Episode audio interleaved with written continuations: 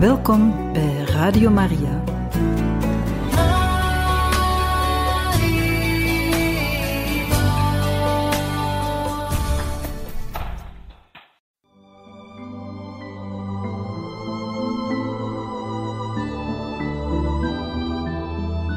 U luistert naar een Christmas Carol, geschreven door Charles Dickens en u verteld door Luc Klaes.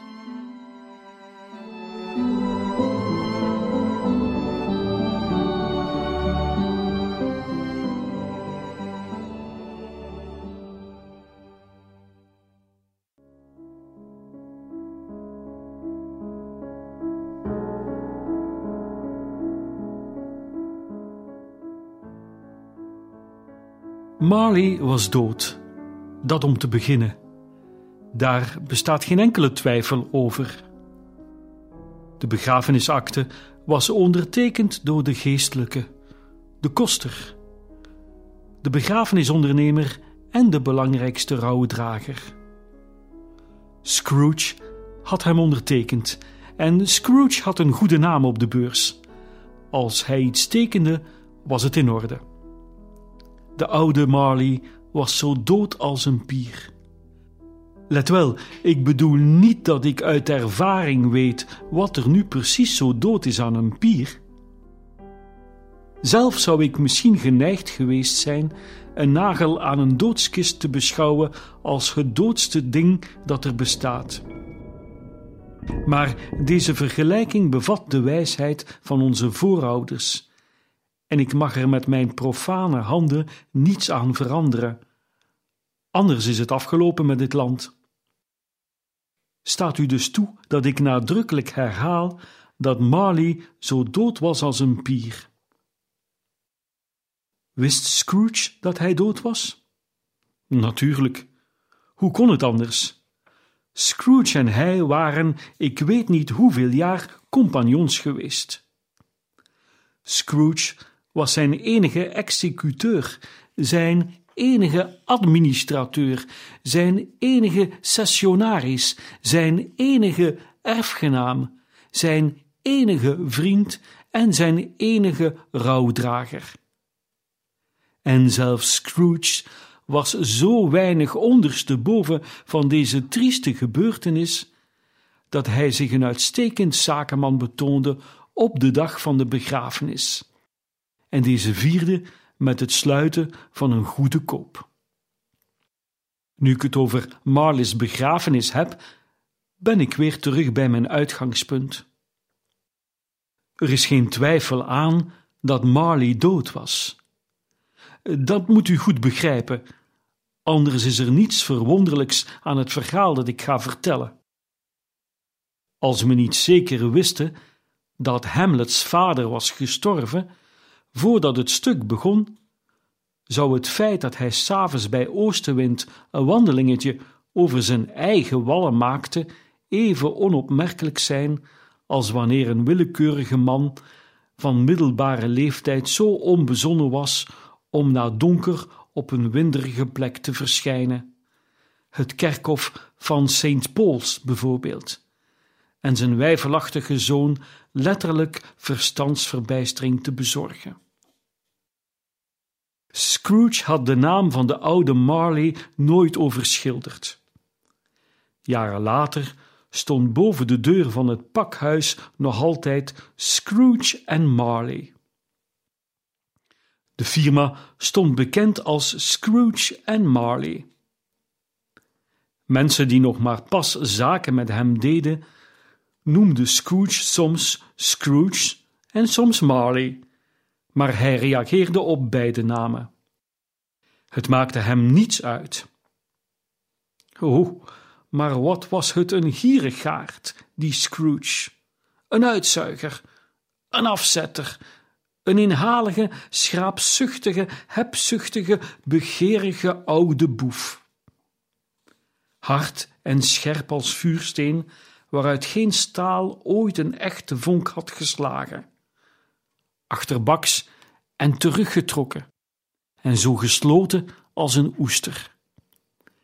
De kou in zijn binnenste deed zijn oude gezicht bevriezen, zijn puntneus verkleumen, zijn wangen schrompelen en verstijfde zijn gang, maakte zijn ogen rood en zijn smalle lippen blauw en liet zich vinnig horen in zijn raspende stem. Er lag witte rijp op zijn hoofd, op zijn wenkbrauwen en op zijn stoppelige kin. Hij droeg zijn eigen kilte altijd bij zich. In de hondsdagen koelde hij zijn kantoor ermee, en met kerstmis maakte hij het geen graad warmer. Uitwendige hitte en kou hadden weinig invloed op Scrooge. Wanneer het warm was, kreeg hij het niet warmer en geen winterweer kon hem kouder maken dan dat hij was. Geen wind ijziger dan hij, geen sneeuw viel doelbewuster, geen striemende regen was minder ontvankelijk voor smeekbeden. Slecht weer kon niet tegen hem op. De zwaarste regen en sneeuw en hagel en ijzel konden zich er maar in één opzicht op beroemen dat ze iets op hem voor hadden. Ze waren vaak niet zuinig, en dat was Scrooge altijd. Op straat hield niemand hem ooit staande om met een blij gezicht te zeggen: Beste Scrooge, hoe maak je het? Wanneer kom je me nog eens opzoeken? Geen bedelaar vroeg hem om een aalmoes. Geen kind vroeg hem hoe laat het was. Geen man of vrouw vroeg Scrooge tijdens zijn leven ooit de weg hierheen of daarheen. Zelfs de blinde geleidehonden leken hem te kennen. En wanneer ze hem zagen aankomen, trokken ze hun eigenaars mee, portieken in en binnenplaatsen op, en dan kwispelden ze alsof ze wilden zeggen: Geen oog is beter dan een boos oog, blinde meester. Maar wat interesseerde dat Scrooge?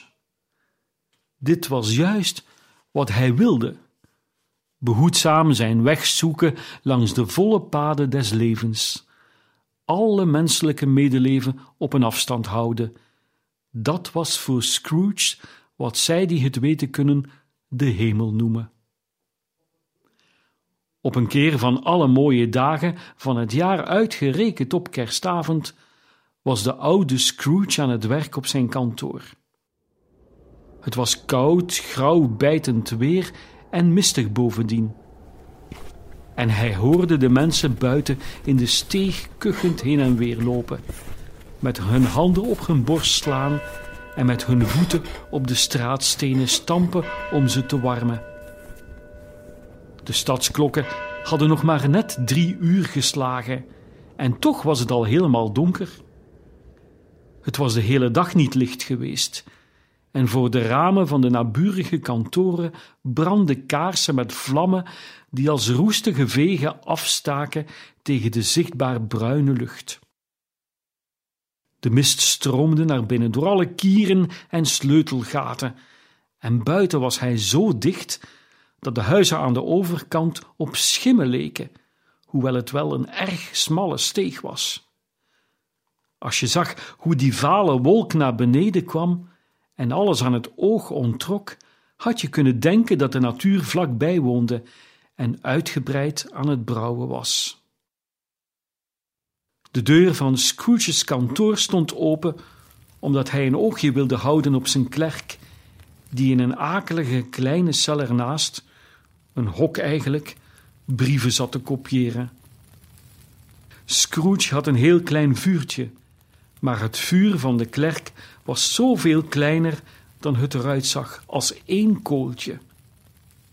Maar hij kon er niets op gooien, want Scrooge bewaarde de kolenkist in zijn eigen kamer. En zodra de klerk binnenkwam met de kolenschop, zou zijn meester voorspellen dat ze elkaar voor goed vaarwel moesten zeggen. Daarom sloeg de klerk zijn witte sjaal om en probeerde zich te warmen aan de kaars, een poging die mislukte omdat hij niet veel fantasie bezat.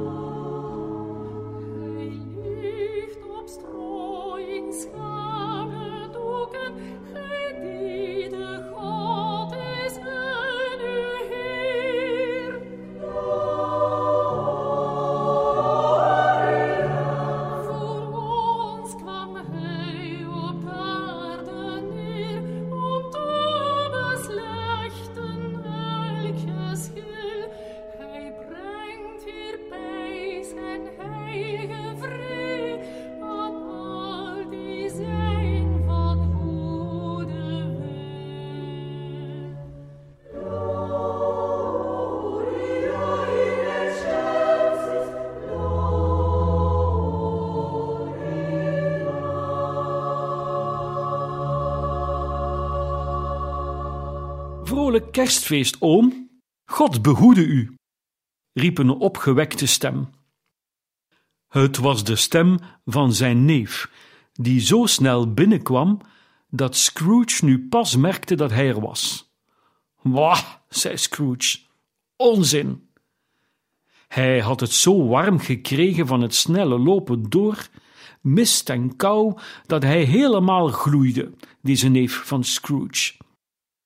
Zijn gezicht was blozend en knap. Zijn ogen schitterden en zijn adem dampte weer.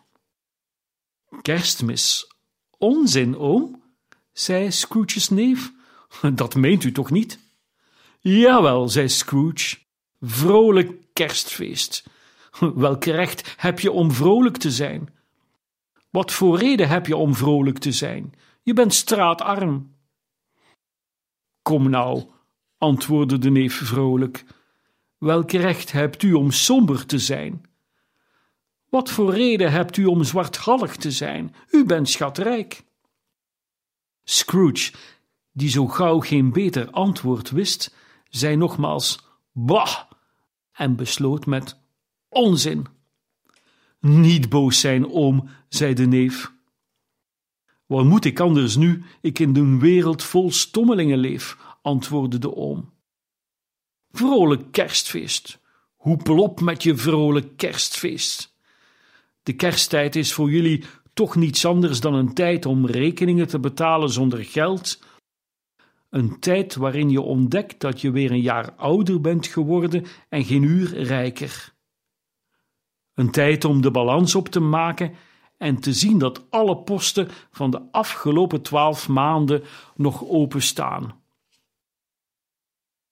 Als ik mijn zin kreeg, zei Scrooge verontwaardigd, zou iedere idioot die de woorden vrolijk kerstfeest in zijn mond neemt, met zijn eigen plumpudding worden gaar gekookt en met een staak hulst door zijn hart worden begraven. O zo! Oom, zei zijn neef smekend. Neef, antwoordde de oom streng, vier jij kerstmis maar op jouw manier, dan vier ik het op een mijne. Vieren, herhaalde Scrooge's neef, maar u viert het helemaal niet. Dan vier ik het niet, zei Scrooge, dat jij er maar veel baat bij mag hebben. Je hebt er al zoveel aan gehad. Er zijn ongetwijfeld een heleboel dingen waar ik baat bij heb en waarvan ik niet geprofiteerd heb, antwoordde de neef. Kerstmis onder andere. Maar ik weet zeker dat ik de kersttijd, wanneer het zover was, altijd heb beschouwd, los van de diepe eerbied voor de heilige naam en oorsprong van dit feest, als iets dat daarbij hoort, er los van kan staan als een goede tijd, een vriendelijke, vergevingsgezinde, aangename, menslievende tijd.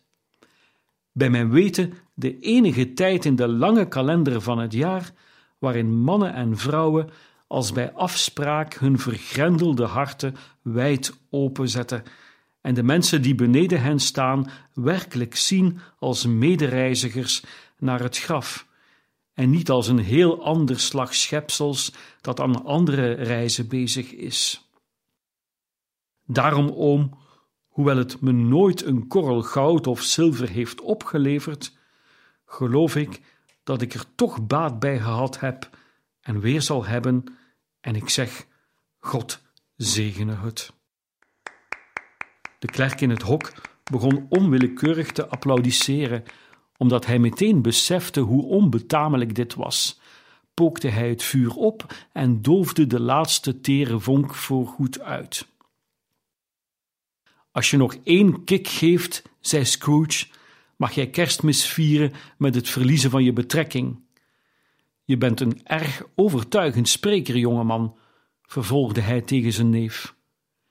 Het verbaast me dat je geen zitting neemt in het parlement. Wees niet boos, oom. Toe, komt u morgen bij ons eten? Scrooge zei tegen hem dat hij naar de ja, dat zei hij echt. Hij bezigde de uitdrukking voluit en zei dat hij naar dat barre oord kon lopen. Waarom toch? riep Scrooge's neef uit. Waarom? Waarom ben je getrouwd? zei Scrooge. Omdat ik verliefd was. Omdat je verliefd was, bromde Scrooge, alsof dat het enige ter wereld was dat nog idioter was dan een vrolijk kerstfeest. Goedemiddag. Ja, maar oom, u kwam me voor die tijd ook nooit opzoeken. Waarom geeft u dan nu als reden om niet te komen? Goedemiddag, zei Scrooge. Ik wil niets van u. Ik vraag niets van u. Waarom kunnen we geen goede vrienden zijn? Goedemiddag, zei Scrooge. Het spijt mij uit het diepste van mijn hart dat u zo vastbesloten bent. We hebben nooit ruzie gemaakt, althans niet waar ik bij was. Maar ik heb deze poging gewaagd ter ere van kerstmis, en ik zal mijn kersthumeur tot het einde bewaren. Vrolijk kerstfeest, oom. Goedemiddag, zei Scrooge. En een gelukkig nieuwjaar. Goedemiddag, zei Scrooge. Zijn neef ging desalniettemin de kamer uit zonder een boos woord. Bij de buitendeur bleef hij even staan om de klerk een vrolijk kerstfeest toe te wensen. Hoe koud deze laatste het ook had, toch was hij warmer dan Scrooge, want hij wenste hem van harte hetzelfde. Dat is ook zo iemand, mompelde Scrooge, die hem hoorde. Mijn klerk met vijftien shilling in de week en vrouw en kinderen die over een vrolijk kerstfeest praat. Ik ga wel naar het gekkenhuis. Inmiddels had de krankzinnig verklaarde, toen hij Scrooge's neef uitliet, twee andere mensen binnengelaten. Het waren welgedane heren, aangenaam van uiterlijk, en nu stonden ze met afgenomen hoed in Scrooge's kantoor. Ze hadden boeken en papieren in hun handen en bogen voor hem. Scrooge en Marley, als ik het wel heb, zei een van de heren, terwijl hij op zijn lijst keek. Heb ik het genoegen met de heer Scrooge te spreken of met de heer Marley? Meneer Marley is al zeven jaar dood, zei Scrooge. Het is vanavond precies zeven jaar geleden dat hij is overleden. We twijfelen er niet aan dat zijn overgebleven compagnon net zo gul is als hij, zei de heer, terwijl hij zijn introductiebrief overhandigde. Dat was zeker het geval, want die twee waren verwante zielen geweest. Bij het onheilspellende woord gul fronste Scrooge zijn voorhoofd, schudde zijn hoofd en gaf de introductiebrief terug. In deze feestelijke tijd van het jaar, meneer Scrooge, zei de heer, terwijl hij een pen pakte, is het nog wenselijker dan anders dat we ons een beetje bekommeren om de armen en noodruftigen die het momenteel zeer moeilijk hebben. Vele duizenden hebben gebrek aan de dagelijkse levensbehoeften. Honderdduizenden ontberen de gewone gemakken. Zijn er geen gevangenissen? vroeg Scrooge. Gevangenissen genoeg, zei de heer, terwijl hij de pen weer neerlegde. En de werkhuizen? vroeg Scrooge. Zijn die nog in bedrijf? Dat zijn ze, maar toch, antwoordde de heer, wou ik dat ik kon zeggen dat dit niet het geval was. De tredmolen en de armenwet functioneren dus zoals het hoort, zei Scrooge. Allebei op volle kracht, meneer. Oh, door wat u daarnet zei, was ik al bang dat er iets gebeurd was om hun nuttige werk te belemmeren, zei Scrooge. Ik ben erg blij dit te horen. Omdat wij de indruk hebben dat zij het volk naar geest en lichaam moeilijk een christelijk onthaal kunnen bieden, antwoordde de Heer, proberen enkele van ons geld in te zamelen om wat eten en drinken voor de armen te kopen en brandstof. We doen dit juist nu, omdat dit de tijd is waarin armoede intens ervaren wordt en rijkdom feest viert. Voor hoeveel mag ik u noteren? Geen cent, antwoordde Scrooge. U wilt anoniem blijven? Ik wil met rust gelaten worden, zei Scrooge. Dat is mijn antwoord, heren, nu u toch vraagt wat ik wil. Ik vier zelf ook geen feest met kerstmis, en ik kan me niet veroorloven feestjes aan te richten voor nietsnutten. Ik help de instanties onderhouden waarover ik het had. Die kosten genoeg en wie arm is, moet daar maar naartoe gaan. Velen kunnen er niet naartoe en velen gingen nog liever dood. Als ze nog liever dood zouden gaan, zei Scrooge, laat ze dat dan maar doen. Dat neemt het bevolkingsoverschot meteen af.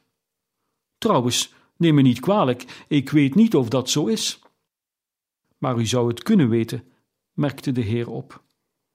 Zijn mijn zaken niet, was Scrooge's weerwoord. Een man heeft er genoeg aan zijn eigen zaken te begrijpen en zich niet met die van anderen te bemoeien. Ik heb mijn handen vol aan mijn zaken. Goedemiddag, heren. Omdat ze inzagen dat het zinloos zou zijn nog verder aan te dringen, gingen de heren weg. Scrooge hervatte zijn arbeid met een hogere dunk van zichzelf en in een lichtzinnigere stemming dan gewoonlijk.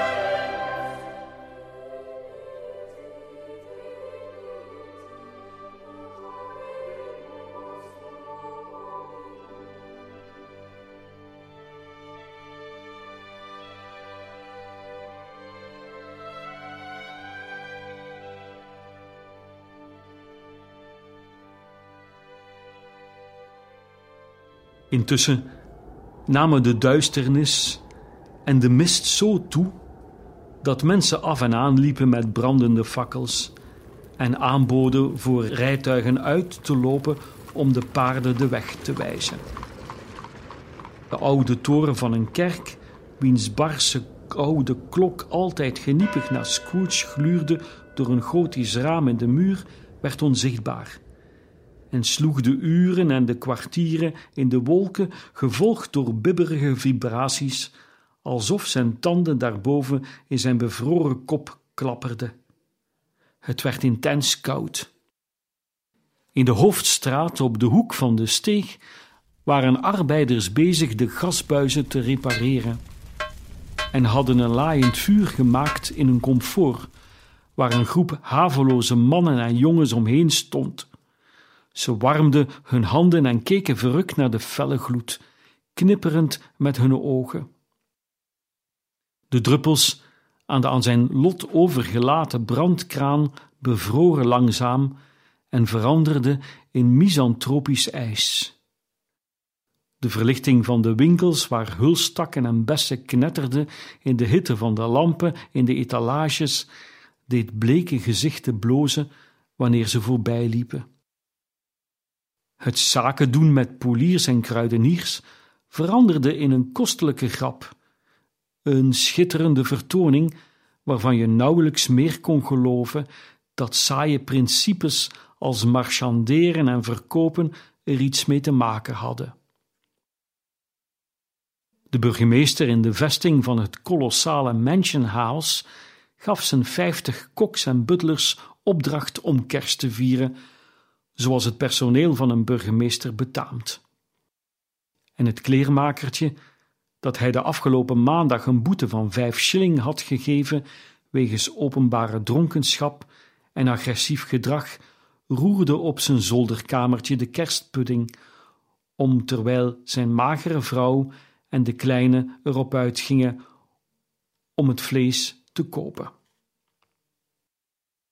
Nog mistiger, nog kouder, een vlijmende, doordringende, bijtende koude. Als de goede Sint Dunstan met een zucht van dit weer in de neus van de boze geest had geknepen, in plaats van met zijn bekende wapens, dan zou die het pas echt hebben uitgebruld.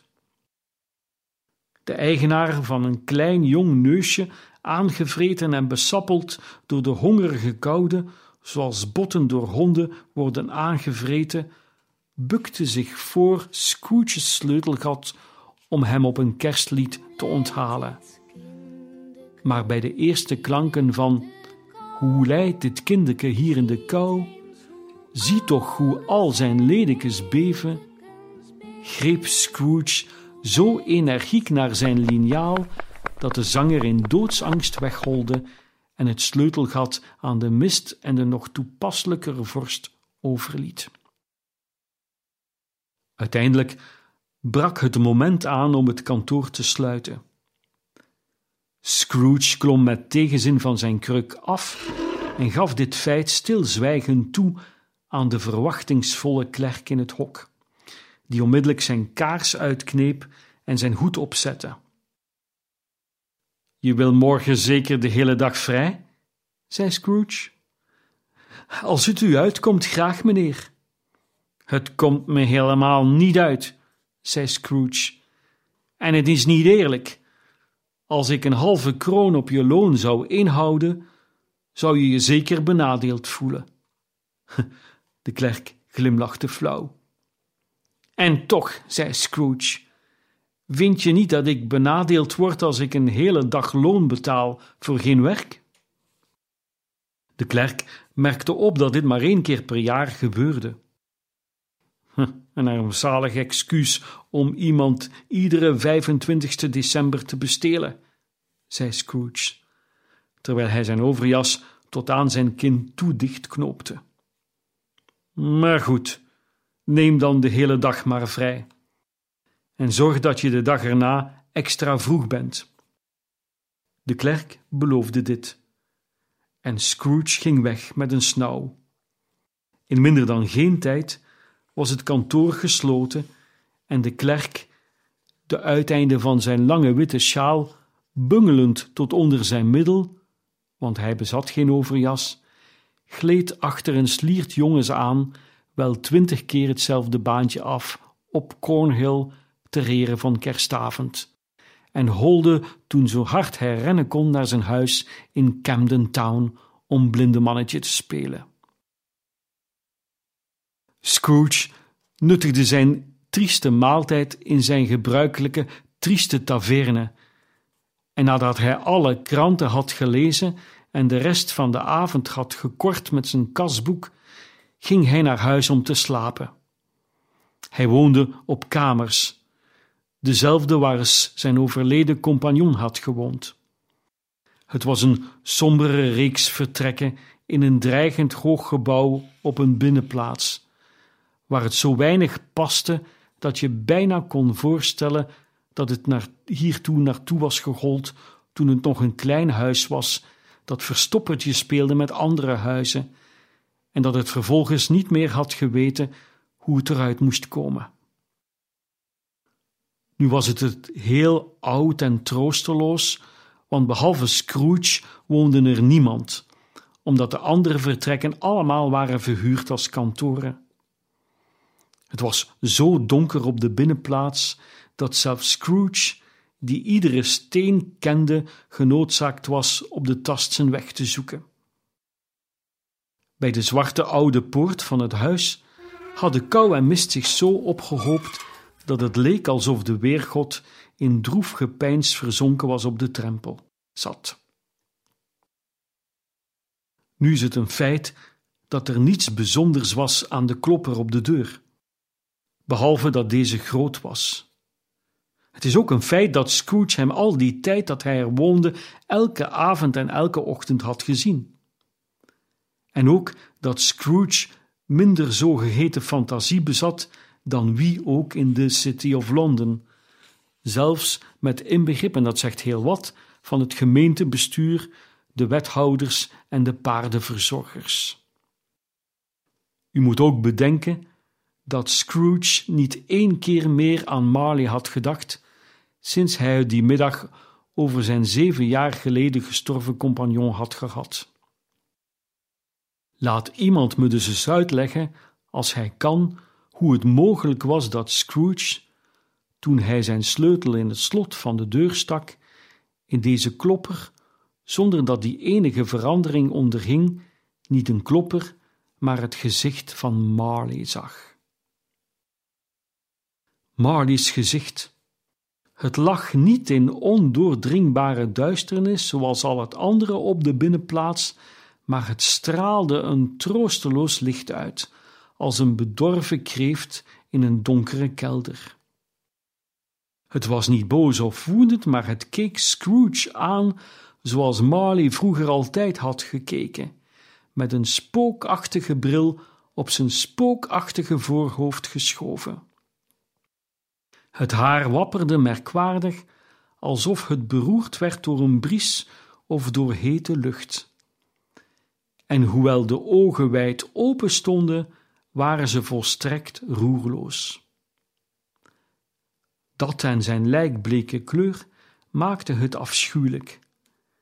Maar die afschuwelijkheid leek iets te zijn dat buiten de macht van zijn gezicht lag en maakte geen deel uit van zijn uitdrukking.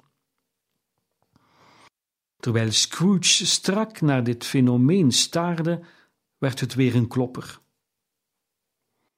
Het zou onwaar zijn als ik zei dat hij niet geschrokken was, of dat hij zich niet bewust was van een verschrikkelijke gewaarwording in zijn bloed, zoals hij van klein af nooit had gekend.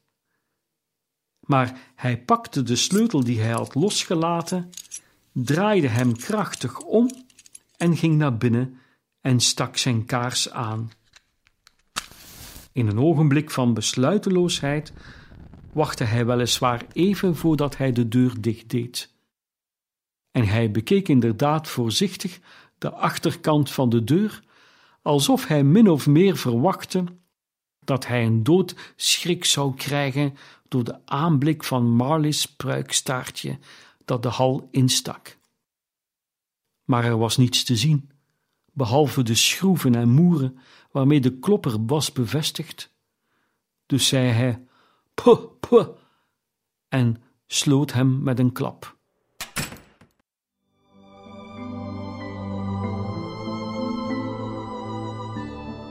U luisterde naar Een Christmas Carol, geschreven door Charles Dickens en u gebracht door Luc Klaes.